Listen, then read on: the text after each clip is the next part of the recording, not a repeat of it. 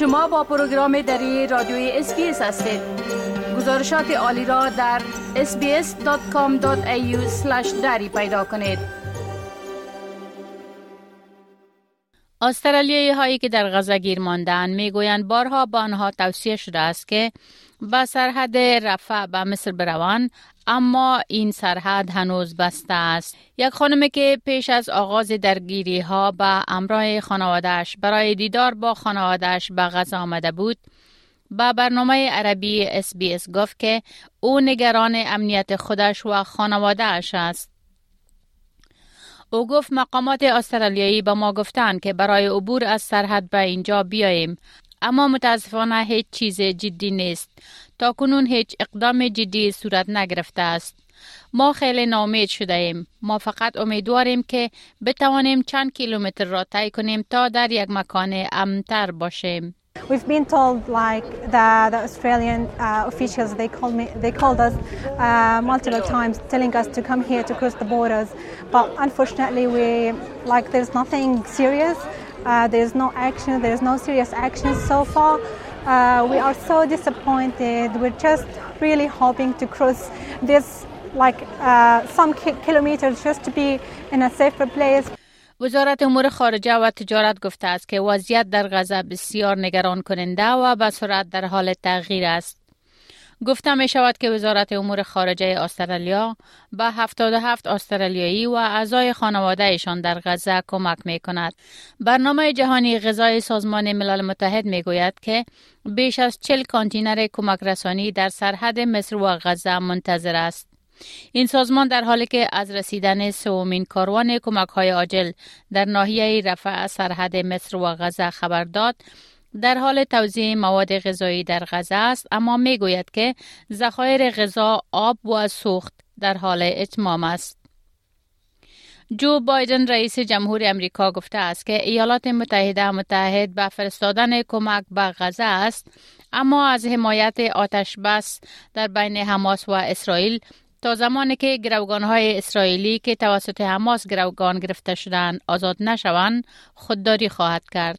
سخنگوی سازمان جهانی غذا علی زکی می گوید که روند طولانی بازرسی کمک ها و بمباردمان غذا مواد امدادی را در مصر متوقف کرده است. Humanitarian aid, humanitarian work, humanitarian workers um, should be able to carry out their job to, to make sure that they can reach the people in need. That's of course not to mention how essential it is that civilians must be protected and the essential infrastructure, so their hospitals, the bakeries, these all must be protected. نیروهای نظامی اسرائیل خود را در نزدیکی سرحد غزه پراگنده کرده و وعده داده است که حماس را کاملا از بین ببرد.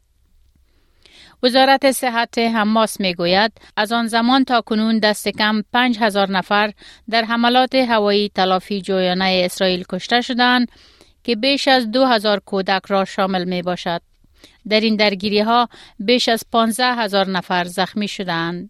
دفتر امور بشردوستانه سازمان ملل متحد می گوید حدود 1.4 میلیون نفر بیش از نیمی از جمعیت غزه در حال حاضر آواره شدن و بسیاری از آنها به دنبال پناهندگی در پناهگاه های پر ازدهام سازمان ملل متحد هستند. بورل رئیس سیاست خارجی اتحادیه اروپا گفته است که اطمینان رسیدن کمک های حیاتی به غزه در دست رهبران جهان است.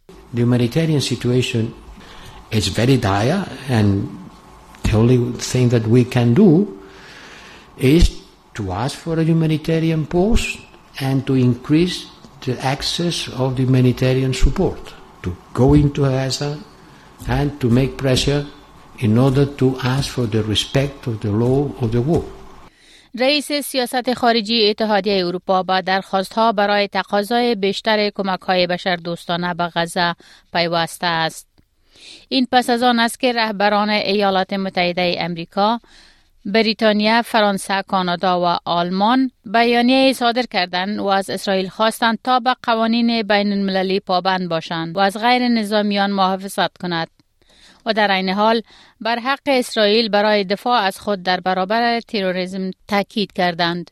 پلیس نیو ساوت ولز می گوید که آنها در حال تحقیق در مورد علت چندین آتش سوزی در سواحل شمالی ایالت نیو ساوت ولز هستند.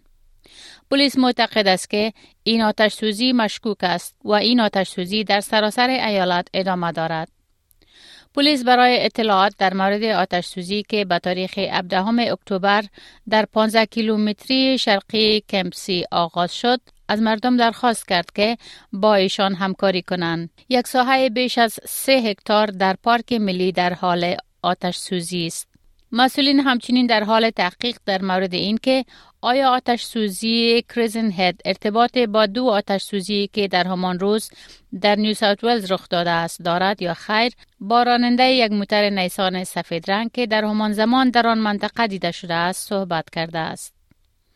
راب راجرز کمیشنر خدمات آتش نشانی مناطق دوردست در نیو ساوت ولز با شبکه تلویزیون هفت گفته است که خدمات آتش نشانی به پلیس کمک می کند تا علل آتش سوزی های متعدد را تعیین کند. There's some that are escaped from uh, property owners that, that, have been trying to do hazard reductions the, themselves and they've lost control, uh, but other ones are deemed to be suspicious and obviously we'll work with police to try and uh, work out what happened there.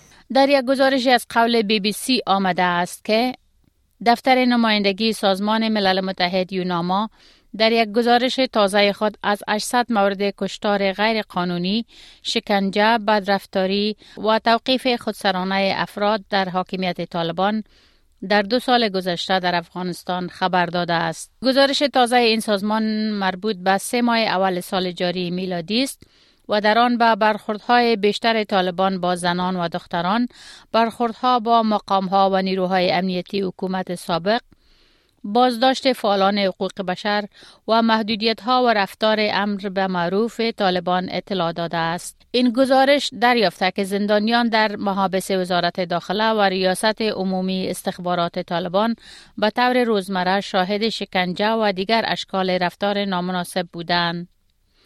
یوناما گفته است که در حاکمیت گروه طالبان حمایت های حقوقی قانونی از زندانیان اجازه داده نمی شود به خانواده های زندانیان وقت ملاقات نمی دهند و زندانیان هنگام حبس به وکیل مدافع و دکتر دسترسی ندارند. دفتر نمایندگی سازمان ملل متحد در افغانستان دریافته است که در زندانهای طالبان حداقل استانداردهای حقوقی به شمول فراهم بودن غذا و مراقبت های صحی هم وجود ندارد. ارقام جدید از بازداشت هایی را که سازمان ملل در گزارش جدید خود ثبت کرده است شامل فعالان حقوق زن، فعالان امور آموزش، روزنامه‌نگاران و مخالفان حکومت طالبان در افغانستان است. می خواهید این گونه گزارش ها را بیشتر بشنوید؟ با این گزارشات از طریق Apple Podcast، Google Podcast، Spotify و یا هر جایی که پادکاستتان را می گیرید گوش دهید.